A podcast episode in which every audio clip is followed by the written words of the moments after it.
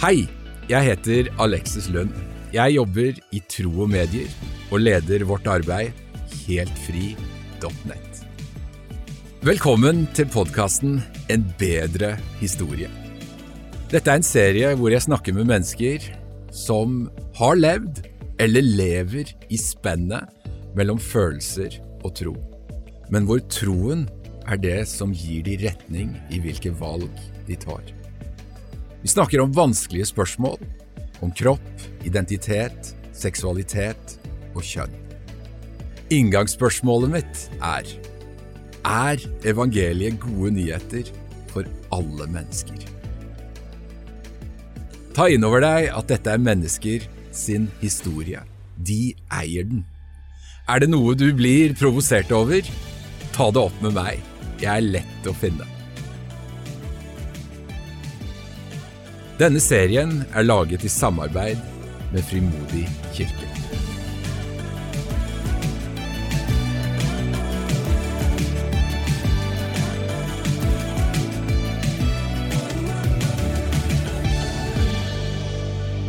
Velkommen eh, til podkasten En eh, bedre historie, hvor vi, eh, hvor vi snakker om vanskelige spørsmål, men etterstreber å finne en god historie i et, i et vanskelig landskap. I dag har jeg gleda meg til å introdusere en veldig spennende gjest i denne podkasten. Jeg har vært så heldig og så privilegert å bli litt kjent med henne over, uh, over, litt tid, og det har vært et berikende og spennende bekjentskap. Og um, hun heter Noah Tobiassen. Mm. Velkommen! Tusen takk.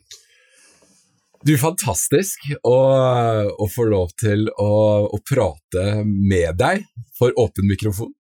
Det er jo alltid spennende å, å begynne en samtale hvor vi, hvor vi skal inn på noen ting som eh, er både sånn eksplosivt i, uh, i samfunnet vi lever i, uh, men òg veldig sårbart.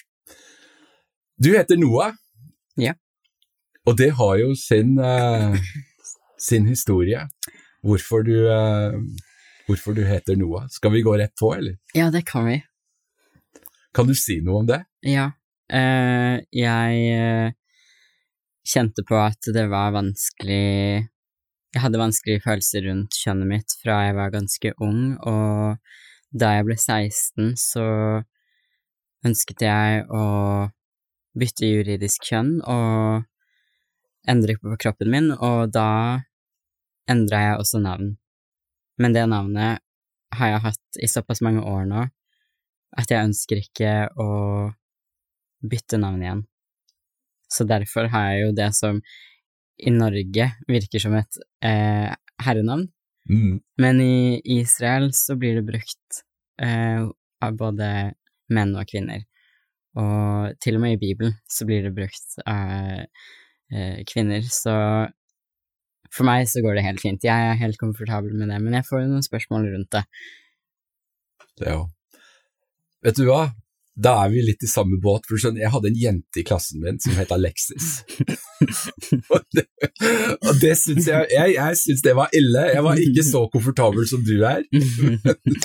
men, men, det har jo kommet med tiden, da. Eh, det har jo ikke vært før nå i det siste at jeg er ok med det. Um, jeg hadde en periode hvor jeg ønsket å kanskje bytte til Nora eller noe, um, men det var mest ut av å ikke ønske å få de spørsmålene, mm. uh, og slippe unna det, da. Så jeg bestemte meg bare for at nei, du får ikke slippe unna noe, i hvert fall. for, for, etter å ha angst, da, så har det vært metoden min, og da, da gidder ikke jeg å bøye meg etter sånne type tanker, da. Uh, så, så, hvis jeg skulle endre navn i fremtiden, så kommer det ikke ut av den frykten for konfrontasjon, i hvert fall. Mm. Men jeg har, jo, jeg har, jo, en lærer som heter Michelle, og eh, i Norge så er det Eh, mange tenker jo på det som et jentenavn, og moren min har også uh, et herrenavn. ja. så, så det er sånn no shame. Jeg tenker det går veldig Jeg kjenner et ektepar som heter Chris and Chris. det er forkortelser da på navnet deres. Vet du hva, i går, i går så uh, var det ei som prata om en fyr som het uh, Ariel. Ja. Jeg, jeg, jeg, dro spøken med 'tenk om jeg gifta meg en mann, med en mann med kvinnenavn'. Og så vet ikke hvem som tilhører hvem. Hvem er hvem? Men du, uh, vi skal dypere enn navn. Ja. For navn er jo Det er jo ikke identiteten vår, det. Nei, men det betyr fred, da. Noe betyr fred, Så og, og det har Etter at jeg bytta navn, så fikk jeg gradvis mer og mer fred i livet mitt. Ja. Og i Bibelen så er navn knytta til eh, noen form for identitet, eller hvordan Gud har eh, møtt dem. Så det er, jo, det er jo absolutt interessant. Jeg føler ikke at det er overfladisk. Nei. Spennende. Mm. Du, um, jeg har jo sånn inngangsspørsmål i, uh, i disse podkastene, og det er, jo, det er jo et spørsmål som uh, jeg har brukt noe tid på. Det er jo egentlig et, det er jo et lett spørsmål som vi som tror, liksom kanskje bare forholder oss uh, veldig enkelt til. Mm. Er evangeliet gode nyheter for, uh, for alle mennesker? Jeg tror i bunn og grunn det, selv om det ikke kommer til å føles ut som det for alle. Mm. Det står jo at de som elsker synd, at de ønsker å holde det skjult, ønsker å eh, være i skyggen. De ønsker ikke Guds nærvær, og Guds nærvær kan oppfattes som påtrengende og farlig og, og, og skummelt, fordi de vet, de vet at det de driver med, er ondskapsfullt. Um, men jeg tror at i bunn og grunn så er det gode nyheter, og det gir alle en sjanse til å være med Gud. Mm. Det er bare ikke alle som ønsker det. Jeg møter jo mennesker som, uh, som kanskje er på et, et, seminar, eller som er på en gudstjeneste hvor jeg, hvor jeg deler noe, som gjerne tar kontakt med meg etterpå. Ja. Som, uh, som sier at det evangeliet jeg, jeg forkynner, da, ikke er gode nyheter for de. Mm. Det er litt derfor det spørsmålet liksom henger der. Mm. Um, men jeg, jeg, er helt enig med det. Jeg, jeg, jeg tror jo det, at evangeliet er gode nyheter for, Mm. for alle. Men um, kunne du fortalt litt om historien din? Hvor du vokste opp? Ja. Når du begynte å, å tenke at du, uh, du ville endre navnet ditt og, Mm. og ta, liksom, uh, ta den reisen? Mm. Mm. Jeg vokste opp litt forskjellige steder på Østlandet, eh, men min mor er fra Vestlandet, så jeg var nok, eh, jeg var nok litt innom der òg, men hovedsakelig Østlandet, og så eh, skilte foreldrene mine seg ganske så tidlig. Eh, moren min fikk sitt andre barn, min lillesøster, og det ble litt vanskelig for henne å ta va- med oss begge, så jeg bodde hos faren min eh, fra jeg var ett og et halvt til tre år. Og så kom jeg tilbake til mamma rundt treårsalderen, og så har jeg bodd med henne frem til jeg flytta ut som 17-åring. eh, 17-åring. em, men det, det med identitet, det, det å søke etter et eh, annet navn, det starta i barnehagealder. Og da var det hovedsakelig jentenavn, men eh, jeg syns bare det var vanskelig å syns vel at det var vanskelig å være meg, uten at eh, jeg var så veldig bevisst over det, og symptomet var at jeg ønsket å bli kalt et annet navn. Det føltes i hvert fall utrygt ut å være meg, og det føltes ikke bra nok ut. Og så, da jeg var rundt åtteårsalderen, da starta jeg å forme assosiasjoner om at det kanskje var kjønnet mitt som var feil. At jeg kanskje ikke egentlig skulle ha vært jente, for jeg passa ikke så veldig godt inn i det jeg trodde å være jente var. For jeg Som åtteåring så starta jeg kanskje å tenke at det handlet mer om sosiale normer enn biologi, og jeg fikk tilbakemelding om at jeg var veldig guttete, og jeg så jo at jeg ikke passet inn med jentene på flere områder, og at jeg heller ikke Jeg forsto ikke helt vitsen med ting de dreiv med. jeg syns det var litt eh, Litt eh, enten banalt eller unødvendig, for eksempel sånn eh, å leke familie. Jeg var kanskje litt opphengt i at det er jo ikke ekte, så hvorfor er det nødvendig? Mm. Eh, og det kan, det kan godt hende at jeg tenkte på det viset fordi fordi jeg var traumatisert, liksom. Altså, jeg, jeg vet ikke helt hvorfor jeg tenkte sånn, det kan også hende at jeg bare tenker veldig logisk. Mm. og, og altså, det er den eneste forklaringen. Um, så det å liksom hele friminuttet sitte og prate, prate om andre eller prate om ting, det fascinerte meg ikke så veldig i den alderen. Mm. Uh, jeg ønsket heller å leke rundt. Um, Men var dette bevisste tanker uh, i, som var knytta til at du var jente, og de, og de du kanskje ville leke med var gutter, eller var det, liksom- blei det bare så naturlig at du lekte med guttene mer? Det starta nok bare helt naturlig, og Ja. at det var en preferanse. Eh, Men i åtte- eller tiårsalderen, rundt den tiden, så husker jeg at jeg tenkte hjemme at det var at, at jeg egentlig burde ha vært gutt, og at jeg, jeg ønsket når jeg la meg å våkne opp som gutt. Eh, Så det ble ganske tidlig en kobling der. Og da er vi sånn rundt 2013 12, Nei, før? 2008. 2008. Ja. ja. Jeg er født i 99, så rundt den alderen jeg er, er cirka årstallet. ja. Eh, så dette var, altså, dette var ikke påvirket av noe skolen sa, egentlig. Nei, for Dette dette var ikke- før skolen snakket om dette. Ja, og øh, jeg fikk ikke veldig mye av det hjemmefra heller. Jeg fikk jo høre at det var noen menn som kledde seg i kjoler, men Ja. ja, ikke så veldig mye mer, liksom. Eh, og jeg, ja, jeg fikk ikke jeg, fikk, jeg, jeg hadde ikke noe ønske om å prate om dette med noen, så jeg fikk ikke noe korrigering. Jeg hadde sikkert fått korrigering, eh, i hvert fall fra min mor, om jeg hadde snakket om disse tingene. Men jeg var veldig eh, Jeg vil ikke si introvert, men jeg var veldig lukket som yngre og holdt ting for meg selv. Mm. Så, så jeg hadde liksom ikke Jeg hadde ikke noe tanke om at, at jeg skulle holde skjul på dette, eller holde det hemmelig. Det var bare ikke et ønske om å prate om det, og jeg tenkte ikke at det var nødvendig, eller at det hadde noe hensikt heller. Mm. Eh, så det Hvordan tenker du, for det er liksom spennende å høre fra din side av denne historien, hvor sånn som samfunnet har utvikla seg Ja. I, i ekstrem hastighet her, Ja. på akkurat dette området, hvor barn som kanskje er akkurat i den, i den tankerekken, eller som kjenner på de tingene, Mm. og så er jo skolen eh, og hele, hele samfunnet vårt er jo rigga helt annerledes. Absolutt.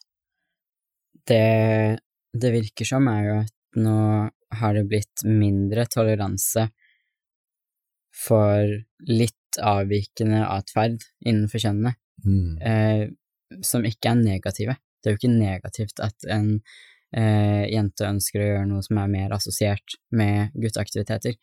Eh, det, det tenker jeg, det er jo bare sosialt. Det, det er jo alltid, bare, det er bare sosiale normer. Og Ja. det å nå konkludere med at ja, hun er egentlig en gutt, Mm.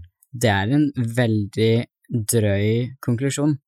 Det, det tenker jeg at Eller den konklusjonen syns jeg er eh, ganske alvorlig, og før så hadde vi mye større toleranse for at folk var på samme viset, men at det ikke var noe galt med kroppen deres. Ja, at det var jenter som gjerne var, likte å mekke og, og sparke fotball. Ja. Og at det var liksom breiere rom for det. Ja, både aktivitetsmessig, men også eh, hvordan vi tenker og ja. Mm. Eh, jeg syns ikke at det burde bli um, liten toleranse for at folk kan være ulike, Mm. før man skal si at det er noe galt med kroppen deres, noe galt med kjønnet deres. Og når barn vokser opp med den tankegangen, så vil jo etter hvert avvik være et bevis på at ja, den personen er kanskje trans. Mm. Og jeg vokste jo opp i en alder der det ble mer og mer vanlig å legge merke til ting som gjorde at vi kunne kategorere noen som eh, homofil. Ikke for å eh, shame dem i det hele tatt, ikke liksom, ikke fra den vinklingen, Mm. men bare for å kategorisere dem. Eh, og det føler jeg at har blitt vanlig nå, bare på transtema, liksom at folk ser etter Folk prøver å kategorisere folk etter en ny kategori, Mm. og nå får jo noen beskjed fra venner eller familie om at eh, ja, kanskje du er trans, for jeg har lagt merke til sånn og sånn. Ja. Eh, og da tror jeg at det er mye flere folk som vil oppsøke hjelp eh, og oppriktig tror at det er noe galt, Mm. men så var det egentlig aldri det, eller så kunne det ha blitt behandlet hvis det, hvis, hvis, du, hvis det var et ordentlig problem. Mm. Eh, Men din reise da videre ifra liksom sånn tiårsalderen inn i, uh, pubertetens land. i pubertetens land, pubertetens mareritt. Eh, ja. Eh, jeg passa jo aldri egentlig inn på skolen, og det å komme inn i puberteten, det eh, syns ikke det gjorde det bedre. eh, og så flytta jeg rundt tolv års og da ble jeg skikkelig, skikkelig fokusert på at nå skal jeg gjøre innsats for å passe inn. Nå ønsker jeg å være som de andre jentene. Så jeg gikk aktivt inn for å kjøpe de klærne jeg så at andre brukte, istedenfor de baggy baggy eh, klærne jeg fant. Eh, det var fortsatt jenteavdeling, men eh, det var mange som trodde jeg gikk i gutteklær, da. Mm. Eh, så jeg gikk aktivt inn for å eh, endre meg, passe inn.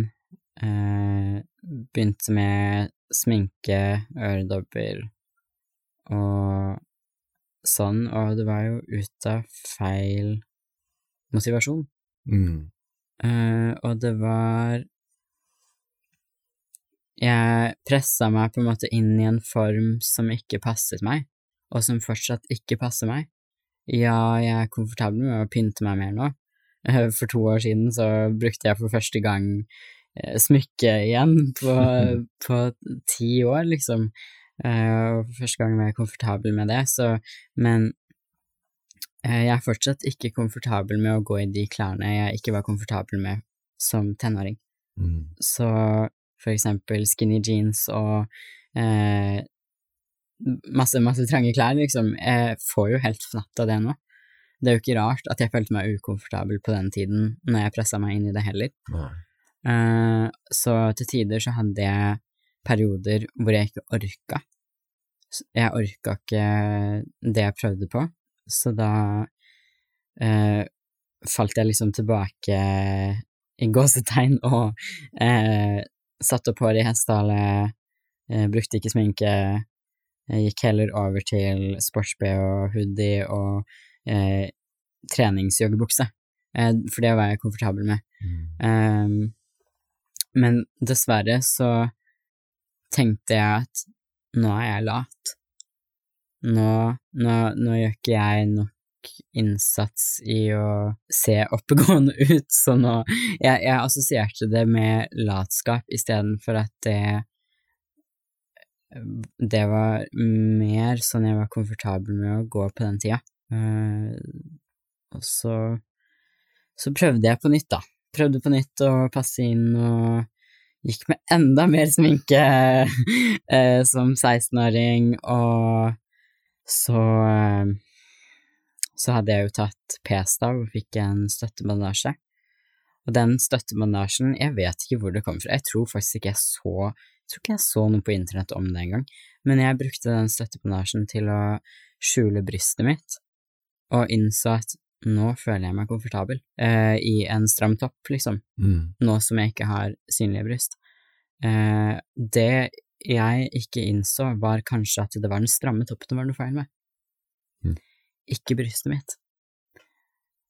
Og det samme med eh, Jeg kjente veldig ubehag rundt å vise hofter og rumpe, men jeg tenkte ikke at det kanskje var skinny jeans som var problemet. Jeg tenkte at det var hoftene mine, og det at jeg gikk gjennom kvinnelig pubertet som var problemet. Det er jo helt sykt. Ja, det er at, at- det. at- Er det. At jeg tok det utover min egen kropp istedenfor å finne noen andre klær. Ja. Men, jeg, men jeg så ingenting annet rundt meg. Jeg så Jeg hadde ingen forbilder rundt meg som eh, valgte andre typer klær. Mm. Så det var i mitt hode enten det andre gikk med, eller tilbake i de baggy klærne jeg hadde gått med, og det er jo ikke særlig feminint. Mm. Eh, så det var liksom enten se ut som en maskulin jente, som mange ville kalle det, Mm. eller jentejente, som folk kalte det. Mm. Eh, og de, den, den tankegangen er nok litt skadelig. Det er litt eh, for meg som, som jo ikke har kjent på dette på kroppen, og har jo lest en del om det, Mm. og møtt en del mennesker, og så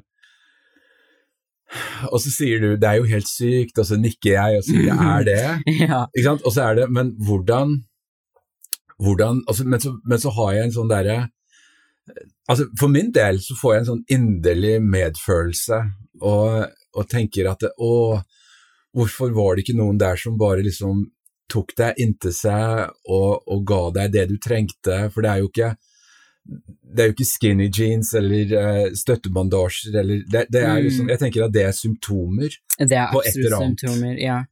og hvordan, hvordan eh, For det, det, er, det er nesten krevende å, å lytte til, Mm. fordi at eh, når du òg sier at jeg hadde ikke noen rollemodeller, var, Mm. det var det du sa? Ja. Ja. Jeg hadde ikke noen rollemodeller. Så tenker jeg det er jo et, det er et enormt ansvar vi har som, som voksne da, i dag. Mm. Eh, som, som lærere og fotballtrenere og som foreldre, onkler og tanter Mm. når barn og ungdommer da, liksom i tidlig pubertet Mm. viser disse, disse tegnene og leter etter hva, hvordan skal jeg finne meg selv, Mm. uh, hva skal jeg lande på her, og hvordan skal jeg liksom finne ut av hva kroppen min er, og hvordan kroppen min fungerer. Mm. Og det er klart det er, det er noe med å, i den tiden vi lever i, og det er jo litt derfor vi har denne samtalen, Mm. for, for dette må vi prate om. Ja. Dette må vi finne gode, gode måter å sette ord på, Ja. og hvordan, hvordan liksom håndtere dette, for det er supersårbart. Ja, nei eh, Jeg var jo ikke kristen på dette tidspunktet, og gikk jo ikke i noe kristent miljø. Mm. Hvis jeg hadde gjort det, så hadde jeg kanskje hatt noen rollemodeller på dette punktet. Men allikevel så tror jeg at det jeg hadde Det jeg gikk igjennom, både i barndommen og puberteten og ungdomstiden, det var ganske usynlig, egentlig. Det var jo ikke noe jeg pratet om, og jeg visste ikke hva jeg følte. Jeg klarte ikke å sortere hva jeg følte på den tiden. Jeg kjente bare at det var noe feil, og jeg kjente meg ubekvem, men jeg forsto ikke Jeg, jeg tenkte jeg, jeg visste ikke om konseptet, holdt jeg på å si, om at man eh, At man faktisk kan føle seg mer komfortabel hvis man ikke viser for mye av seg selv. Mm. Jeg skjønte ikke at det kanskje kunne være problemet, og at problemet ikke var at jeg var født kvinne, eh, men, men kanskje at eh, kulturen viste meg at jeg skulle gjøre meg så sårbar.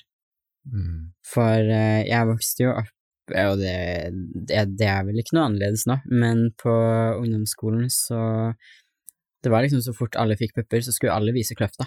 Mm. Jeg ønsket ikke å gjøre det, men Og jeg var bevisst på det, men jeg forsto ikke at det gikk an å dra det lenger. Det gikk an å faktisk kle seg sånn at man følte seg komfortabel, ikke bare sånn at man ikke var ukomfortabel.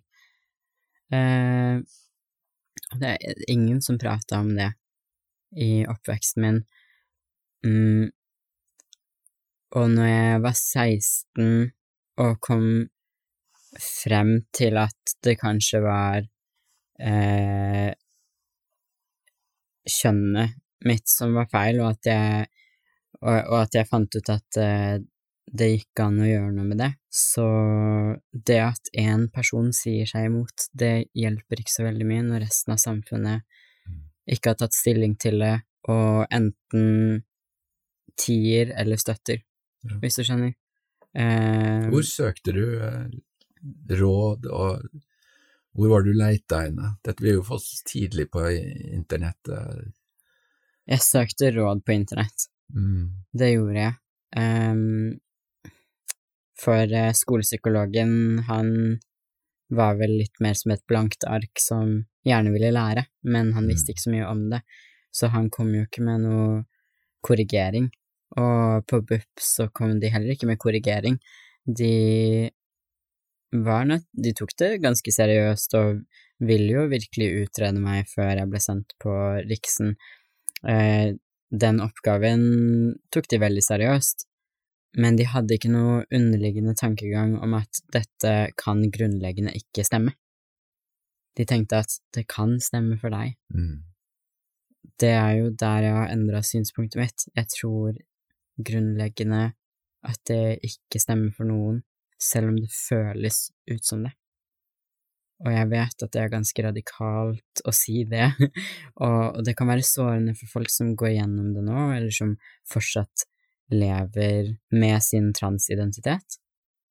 Jeg har jo fortsatt venner som gjør det, Mm. men jeg har bare endra synet mitt på det, og jeg tror ikke at det går an, og hvis det skulle gå an, så tror jeg ikke at det er kroppen det er noe galt med, og da er det samfunnets oppgave å realitetsorientere, og i hvert fall terapeuten sin oppgave å realitetsorientere. Jeg hadde jo i ungdomstiden spiseforstyrrelse også, eh, som var retta mot at jeg var ukomfortabel med kroppen min, og ønsket å ta noe form for kontroll over det. En terapeut sin oppgave er å korrigere og virkelighetsorientere i den situasjonen også. Eh, enten Altså, ja, gi feedback på åssen det faktisk er. Mm. For eksempel, nei, du er ikke feit, og om du så var feit, så er ikke dette løsningen, ikke sant? Ja. Eh, og følelsene dikterer ikke realiteten, er jo svaret på den arenaen. Så hvorfor er det ikke det når det kommer til følelse av kjønn? Mm. Eh, det bryter jo litt med åssen resten av systemet funker. Du, du støtter jo ikke en depresjon ved å si at ja, jeg tror du er uverdig. Mm. Ja, jeg tror det du sier stemmer. Eh, kanskje du skal ta selvmord. du Mm. gjør jo ikke det. Nei, det er jo noen det er jo Eller jo, du gjør jo det. ja, det I Canada så gjør de jo det. Ja, det I, så det, ja. det er noen varsellamper som blinker her, knytta til unge jenter er jo betydelig overrepresentert i Mm. disse statistikkene. Mm, Uh, og så er det underliggende, underliggende ting som òg er overrepresentert, som Mm. for eksempel spiseforstyrrelser, traumer. Uh, Autismespekteret er jo overrepresentert i en Mm. del av disse statistikkene. mm, Men det er jo, mye av disse tingene er jo som blir brukt som, eh, som argumenter, og er gode argumenter, og er viktig kunnskap. Selv om veldig mye her er jo kunnskap som må bygges over tid, for dette er jo, altså den eksplosjonen som vi har sett på dette området er jo mm, formidabel, og da er det jo Mm. ikke grunnlag for å liksom ha store nok studier, selv om det nok begynner å, å komme og dukke opp. mm. Men um, for din del, da, så går du, eh, så går du denne veien gjennom 17-18-årsalderen. 16. Det var da det 16-årsalderen. starta, Mm. og så starta jeg på hormoner da jeg var 18. Ja. Og det, det var jeg fornøyd med. Og da er det i sprøyteform, eller i tablettform? Det, nei, ikke tablett. Det, østrogen er i tablettform og sprøyteform, mens testosteron er i sprøyteform og gel, Ja. som man påfører på huden. Eh, så jeg starta på gel, Og så den siste dosen jeg tok, det var i form av sprøyte. Eh, så jeg gikk lenge på en litt lavere dose på gel, eh, og det det var fra privatlege, først og fremst. Og så fikk jeg diagnosen da jeg var sånn 19, og så tok jeg noen tester hos endokrinolog før jeg fikk starte på det, og til slutt så starta jeg jo på eh, Nebido. Eh, og så slutta jeg, eller sånn, når jeg fikk den sprøyten rett etterpå, så konkluderte jeg egentlig med at jeg tror jeg er ferdig nå. For eh, jeg har vokst opp med den tankegangen om at eh, livsvarige medisiner, at det er jo ikke noe positivt. Hvis kan, og hvis man kan unngå det, så unngår man det. Eh, så heldigvis så kom jeg jo på det punktet hvor jeg kjente at eh, trykket hadde letta litt. At eh, gjennom, gjennom årene så hadde jeg fått perspektiv og eh, innså at følelser og kroppen min er ikke det viktigste. Og jeg hadde fått mer respekt for kroppen min og hva den kunne gjøre. Jeg hadde hatt kyssesyken, jeg hadde sett liksom hvor sårbar den hadde vært, men også også at den hadde kjempet, ikke sant, mm. eh, og ja, bare at jeg hadde vel slutta å tenke på kroppen min som noe som i seg selv skulle se så fint ut, og eh, jeg ble jo ganske tidlig utsatt for å bli seksualisert, liksom, i en år av 13 år, alder av 13 år, og det tar tid før den tankegangen fader. Mm. Så da jeg var 20, så hadde jeg vel fått mindre fokus på, eller holdt mindre fast på, på hva jeg trodde kroppen min skulle være, og godtok den for sånn den var, og hadde fokuset på andre ting. Høres ut som du modnes. Ja, så jeg, jeg, jeg modna nok, og i den prosessen så eh, fikk jeg gradvis flere og flere dager hvor jeg ikke kjente på kjønnsdysfori. Og så tenkte jeg at ok, nå Det er jo ikke Jeg var ikke kvitt kjønnsdysforien, men ok, nå er det bedre. Kanskje jeg ikke trenger å gå på hormoner ut livet. Mm. Så da slutta jeg på p-piller, og Nebido-sprøyten den varer jo en stund, tre måneder, men jeg tok i hvert fall ikke en til. Og så syns jeg det var jo vanskelig til tider. Jeg ville jo starte igjen til tider. Jeg, jeg ble konfrontert med en som sa at det der er ikke en ekte gutt, og jeg syns det var så vondt og sårende at jeg ble frista til å starte på hormoner igjen for å ikke få sånne type konfrontasjoner. Mm. Og jeg klippet håret igjen og ja, holdt meg til herreklær. Men så Kan vi bare, liksom ja. bare legge lokk på dette med harde konfrontasjoner, da? Det er ikke veien å gå? Jeg tror, ja, jeg tror ikke det. Mm. Jeg tror ikke det, for dessverre så er ikke dette Eller sånn, for mange, da, så er dette ledet av følelser, ikke logikk og biologi. Og man kan prate om logikk og biologi, men da må det gjøres med omsorg, ikke ut av hovmodighet. Mm. For det, det jeg ble møtt med, var nok mer i form av hovmodighet, eller sånn stolthet, om at han var den eneste som turte å si det, liksom.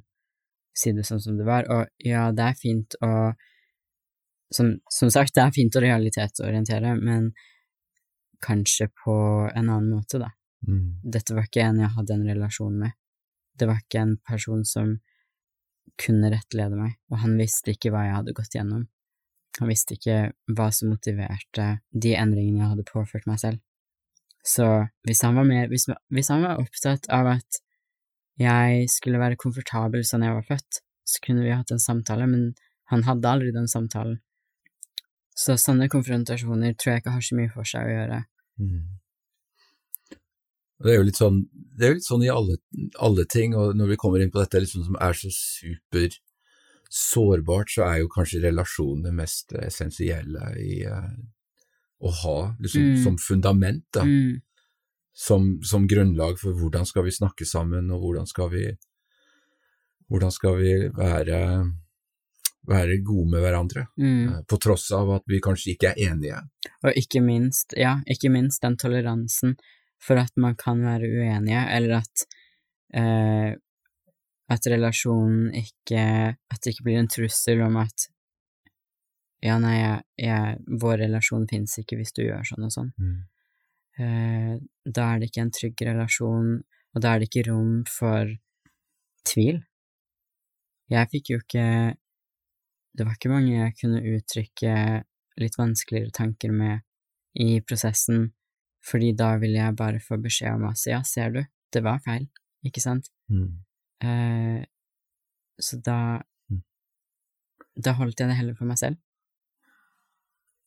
Når de kanskje kunne hatt mer å si hvis de Hvis de hadde hatt toleranse for uenighet. Ikke toleranse Eller ikke, ikke akseptering, eller sånn, ikke å si at eh, ja, det er helt greit, og ja, det er bra, eller du må følge din vei, liksom, men, eh, men eh, en toleranse for ja, for å bryte kanskje det Ja, bryte det som er Guds vilje, liksom. Ja. Eh, men jeg var jo ikke kristen, så man kan jo ikke akkurat holde en ikke-kristen til en kristen standard.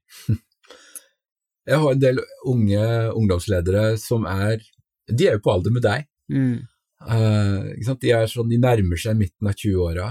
mm, Uh, som, uh, som spør meg hvordan skal vi møte disse ungdommene som, som har disse utfordringene i livet sitt. Jeg, jeg, jeg kjenner jo mer og mer at jeg har utvikla ikke et standardsvar, men jeg sier alltid det samme, Yeah. og det er du må bygge en relasjon til dem. ja, Det er det viktigste du kan gjøre. Er du enig i det? veldig. Veldig. Eh, fra en, ut, fra en relasjon så går det an å ha oppbyggende samtaler som, som også kan føre til litt utfordrende spørsmål og refleksjon, rett og slett refleksjon, eh, og de trenger å få høre fra folk de stoler på, um, hva Gud sier om oss. Mm. Det at kroppen vår er god, til tross for at vi dessverre er rammet av syndefall og har sykdommer. Um, men de trenger å høre de gode nyhetene da, fra noen de stoler på. Men du står midt oppi eh, en modning i, i både tankene dine, i, i følelseslivet ditt, um, og har jo alle disse spørsmålene. Og hvor går liksom din vei videre, da? Når du er sånn rundt Da, er du rundt 19-20? Ja, jeg var 20 på det punktet hvor jeg slutta på hormoner. Um, jeg var fortsatt veldig lost. Jeg hadde jo akkurat tidligere, noen, noen måneder tidligere før jeg slutta på hormoner, så hadde jeg hatt et uh, Jeg vet ikke om jeg vil kalle det psykisk sammenbrudd, uh, men jeg hadde fått uh, Jeg hadde vel hatt latent PTSD mye av barndommen min, og så kom det plutselig opp da jeg var 19 og snart fylte 20. Jeg er født på høsten, for kontekst. eh, og så rundt, rundt sånn oktober-november så var jeg et vrak, og det var rett før jeg la meg selv inn på psykiatrisk avdeling. For jeg, det gikk så opp og ned, og jeg følte at jeg konstant falt, jeg følte ikke at jeg hadde noen grunnmur. Og så fikk jeg traumebehandling, og det var etter det at ting starta å løsne seg litt opp, selv om, selv om behandlingen ikke vi, vi gikk ikke inn på det med kjønn i det hele tatt, og det var aldri en motivasjon. Jeg prøvde aldri å bli kvitt kjønnsdysforien eh, av, eh, av noe psykisk eh, terapi. Eh, det tenkte jeg at man skulle Jeg tenkte at man skulle endre kroppen for å bli kvitt kjønnsdysfori, eh, så det, det lå liksom ikke i bakhodet engang. Men det var etter det at jeg starta å bli mer komfortabel med, med å være kvinne. Selv om jeg ikke klarte å komme til den konklusjonen på den tiden i det hele tatt. Men eh, det å se mer ut som en kvinne ble jeg mer, mer komfortabel med. Eh, så gikk det jo fortsatt fra den traumebehandlingen til jeg var komfortabel med å kalle meg selv kvinne, så gikk det jo ett og et halvt år. Så det var en lang prosess. Um, og så senere så kom jeg tro på at det, ok, det fins en skaper, det fins en gud, men jeg kjenner han ikke. Hva var det som leda deg fram til, til, de tankene? Altså, du sier du var lost, og det, det tenker jeg vi, vi, alle er på et eller annet tidspunkt, tidspunkt ja, i livet ja, vårt. Ja, ja, ja. Og, og når, jeg, når jeg, kom frem til konklusjonen om at det finnes en gud, så var ikke det fordi jeg var eh, ekstremt eh, emosjonell på den tiden, fordi jeg hadde landa. Mm. Det landa ganske fort etter traumeterapien, så eh, når jeg kom frem til at det finnes en gud, det var to år senere. Eh, og det hadde ikke skjedd noe, jeg hadde ikke mista jobben, jeg hadde ikke akkurat mista mista noen som fikk meg til å ønske at det, det skulle finnes en himmel. Mm. Um, jeg har egentlig aldri vært redd for døden. Burde jeg kanskje ha vært det når jeg ikke var kristen? Ja, kanskje det, men jeg var ikke det, for jeg trodde jo ikke på helvete. Mm. Jeg var universalist, uh, eller sånn hvis, hvis jeg trodde på himmelen, så var det sånn ja ja, alle kommer vel dit, liksom. og så, ja, nei, så jeg hadde noen rare tankeganger der, men uh, troen på Gud kom ut av fascinasjon over hvordan ting henger sammen. Det kom av at jeg leste og hørte litt om kvantefysikk, og jeg innså at wow, det er jo egentlig et stort mirakel at alt holder sammen, og at det ikke bare er kaos. Mm. Eh, ja, mennesker skaper mye kaos, det, men nå tenker jeg på sånn molekylær kaos. Så du har en litt sånn mindy inngang, apologetisk inngang til å finne fram til at det fins en skaper? Jeg hadde nok det. Ja. eh, så jeg så rett og slett på skaperverket, kanskje ikke med mine egne øyne, men gjennom forskning, da, og mm. innså at oi, det her sånn Det er jo ikke en selvfølge at, uh, at det er sånn, og jeg hang jo ikke helt med på det med at noe ble skapt ut av intet. Jeg tror for så vidt på at The Big Bang Theory er en god teori, men jeg tror at Gud sto bak mm. smellet. eh, så det var bare en rolig kveld i leiligheten at jeg så ut vinduet og innså at ja, det finnes en skaper. og dette er jo spennende, det er jo egentlig her uh det er jo egentlig her historien uh, liksom gjør en Det blir jo en ny retning her, da. Mm. For um, blir du født på ny? Blir du født på ny? Eh, eh, hver dag. Hver dag. Nei. um, etter å ha Etter å ha erkjent at det fins en skaper og en mektig gud som jeg ikke kjente. så, mm. så kjente jeg jo med en gang at jeg ønsker å handle i tråd etter det Gud ønsker. Jeg ønsker å Jeg ønsker å holde meg tett til deg, Gud. Det, det kjente jeg. Eh, jeg ønsker å bli brukt som et verktøy sånn at Guds vilje kan skje. Problemet var bare at jeg visste jo ikke helt hva Guds vilje var.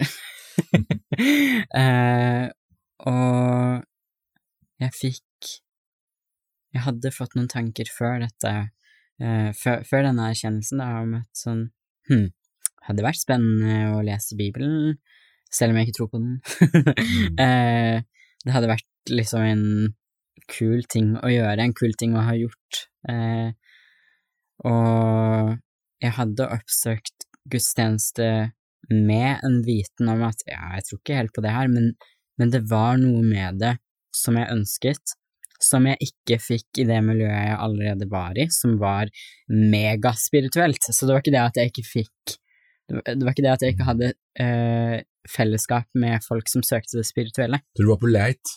Jeg var på leit, og jeg kjente at det er noe kirken har, Mm. som vi ikke har. Eh, I, I yogamiljøet som jeg var i. Eh, jeg kjente at det var noe som mangla. Men eh, jeg kjøpte, jeg kjøpte ikke en bibel, og jeg leste ikke Bibelen på egen hånd, og jeg dro ikke videre på gudstjenester. Det var ganske strengt med korona og lockdown, og jeg jobbet på sykehjem, så det, det var litt sånn Jeg visste ikke helt hvor jeg skulle gå. jeg visste ikke helt hva som fantes. Eh, jeg tok kontakt med noen, men de, de svarte meg ikke Jeg tror at jeg hadde eh, sagt eh, mer om meg selv og nevnte at jeg hadde kommet til tro på Gud mens jeg drev med yoga, liksom. Mm. Det, jeg vet ikke om de syntes det var skummelt, eller, eller om den e-posten bare forsvant, men de, de, de svarte før, og så svarte de plutselig ikke. Eh, Det fins mange ganske redde kristne ja, jeg tror de var litt redde, jeg tror de var litt redde, og det er jo en tragedie, men heldigvis så fant jeg frem til Gud uansett. Eh, men eh, et år senere, sånn fra jeg kom til Gud og, og tok litt kontakt med kristne, men, men ikke var i fellesskap med dem, så, eh, så hørte jeg om en som skulle på bibelskole. Det syns jeg var fascinerende. Og det som var enda mer fascinerende, var at han var ikke dum. han var ikke dum, og eh, han trodde på vitenskap og eh, hadde en master i biologi, liksom, så det var sånn Ja, nei, det, det var jo litt Det passa inn i din uh, tilnærming. Ja, jeg Ja. stolte mer på han enn kristne som hadde vokst opp i det Han hadde jo vokst opp i det, men kristne som bare hadde vokst opp i det og liksom Ja, nei, det er, det vi gjør. Vi Mm. drar, vi drar til kirka på søndag fordi det har familien vår alltid gjort. Eh, og, Du vil vite hvorfor. Ja, hvorfor? Og hvorfor Ikke bare hvorfor Gud, men, men, men hvorfor skal vi tro på at Bibelen er fra Gud? Mm. Det er ikke en selvfølge fra en som ikke har vokst opp med det. Det er jo mye annet å velge mellom, og hvorfor kan, ikke, hvorfor kan jeg ikke bare holde meg til den vage ideen om at det finnes en gud, men vi vet ikke så mye mer? Eh, for jeg, jeg jo ikke Jeg tenkte jo ikke at jeg visste best, jeg tenkte jo heller det motsatte, at sånn, hvordan kan jeg vite? Eh, og jeg tenkte ikke at Gud hadde gjort det så åpenbart. Eh, jeg kom jo fra et miljø der hele motivasjonen til å praktisere både yoga og andre ting, det var jo for å ha personlig opplevelse og erfaring og, og den tankegangen om at det hele var en skattejakt. Og Mm. det syns jeg var litt spennende. At det ikke bare var helt åpentlyst. Eh, Bibelen, eh, sett fra det perspektivet, er jo den mest kjedelige boka som fins. Fordi alle tror på den. holdt jeg på å si. Eller sånn, det er mange som tror på Bibelen, og eh, alt er ferdig åpenlyst, på en måte. Alt er åpenbart allerede. Det er ikke eh, vår oppgave som enkeltindivid å finne Gud, hvis du skjønner. Sånn, vi har fortsatt et ansvar å søke Gud og Han alt det der. Han sier jo om seg selv at 'jeg er'. Ja, eh, men, men så det var liksom så eh, Det var lite sexy. Fordi jeg var liksom vant til å være en del av en eh, nisje, nisje og sjeldent, og det var Mm. tradisjonelt, og, men, men jeg hadde jo ikke vokst opp med det. Eh, østlig teologi er nok litt spennende når vi ikke har vokst opp med det Mm. for det er eksotisk. Mens eh, Bibelen blir litt sånn plain vanilla. Mm. Men jeg, jeg mener jo Det er jo ikke mitt syn på det nå. Nei, for det var- det. var Nå, nå er vi liksom inne i det som virkelig begynner å bli spennende, nemlig mening. eh, det, det var jo ikke det, det er jo ikke sant, men, men det er det synspunktet jeg hadde når jeg kom fra det miljøet jeg kom fra. Og så eh, så la jeg ned flere måneder for å gjøre så godt jeg kunne, eh, og finne grunner til at jeg kunne stole på Bibelen, for jeg kommer fra et veldig skeptisk ståsted.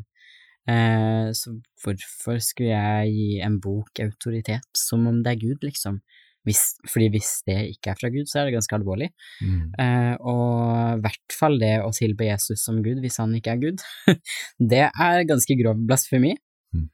Og, så, så det var liksom viktig for meg å ha grunnlag å ta den avgjørelsen på, for jeg er ikke av den tro at man ikke har noe å miste. Jeg tror faktisk at man har noe å miste hvis kristendommen ikke er sann. Tenk om jødedommen er sant, men at Jesus er en falsk Messias. Da står det ganske deep shit. Ja, ja, så eh, Men hva som gjør at du liksom For du kommer jo, du går jo en reise her, og du er på søken, og så, og så skjer det noe liksom Ja. i, uh, hjertet ditt. jeg, jeg fikk uh, Jeg fikk en skikkelig tiltrekning til å lære mer om Jesus da jeg hørte om Jesus i feil kontekst i yogamiljøet. Eh, da, da fikk vi jo liksom eh, de, de snakket om han som en av mange lærere, en av mange vismenn. Og jeg vet ikke hvorfor jeg ikke hadde noen interesse for noen av de andre, men bare Jesus. Eh, men sånn var det. Mm. Og utrolig takknemlig for at det var sånn. Mm. At, at jeg fikk en mersmak på Jesus og ønsket å lære mer om Jesus. Eh, for hvis det ikke var for det, så vet jeg ikke om jeg hadde plukket opp Bibelen. Og dette gjorde at du forlot det miljøet du var en del av. Ja, nå hadde jeg jo Jeg flytta jo, så jeg hadde jo egentlig forlatt det fellesskapet fra før av, men jeg oppsøkte et nytt miljø så fort jeg flytta til Kristiansand. Og jeg tenkte jo, jeg vet ikke om jeg har fortalt om det, men jeg tenkte jo at eh, ja, jeg kan jo gå der når det ikke er UV, for den var jo hver søndag. Eh, UV, En- unge voksne. Nei, ja, Unge voksne, det er annenhver søndag, og Ja. så eh, var det et opplegg eh, med folk som driver med yoga, hvor de kommer sammen og synger mantra sammen. Mm. Det var hver søndag, Mhm. så jeg tenkte ja, jeg, ja, hvorfor ikke, det passer jo. Så jeg dro der Jeg hadde dratt der før, og dro der på en søndag, eh, og så Og jeg likte, likte opplegget. Tror egentlig dette var før jeg flytta dit, men mens jeg bodde i Evje, så da var jeg på besøk i Kristiansand. Eh, og så når jeg flytta til Kristiansand, så Den første UV-en jeg var på, den var på en lørdag. Den ble flytta. Jeg og, og sekretæren sa at det var første gangen UV var på en lørdag, kanskje. Eh, så jeg husker det, husker det veldig godt. Husker også UV-kvelden ganske godt. Um, og så hadde jeg tidligere denne uka også vært på bønn og lavsang, uh, og så kom jeg på det mantragreiene dagen etterpå, og da ble jeg skikkelig skremt. Uh, jeg kjente med en gang at, uh, at, at det var noe liksom galt, at eh, jeg ble redd for at det var demoner til stede, liksom. Eh, jeg var redd for at, eh, for at det skulle skje noe, på en måte, hvis jeg var der over lengre tid, og jeg ville egentlig gå ganske tidlig, eh, men jeg turte ikke å bare brase ut derfra. men jeg, jeg tror jeg slutta å synge, jeg bare hørte på, for jeg ville ikke delta. Og da Det var ingen som hadde sagt til meg at det var feil, og i hvert fall ikke fra det Ikke fra Philadelphia, for de visste ikke at jeg var der.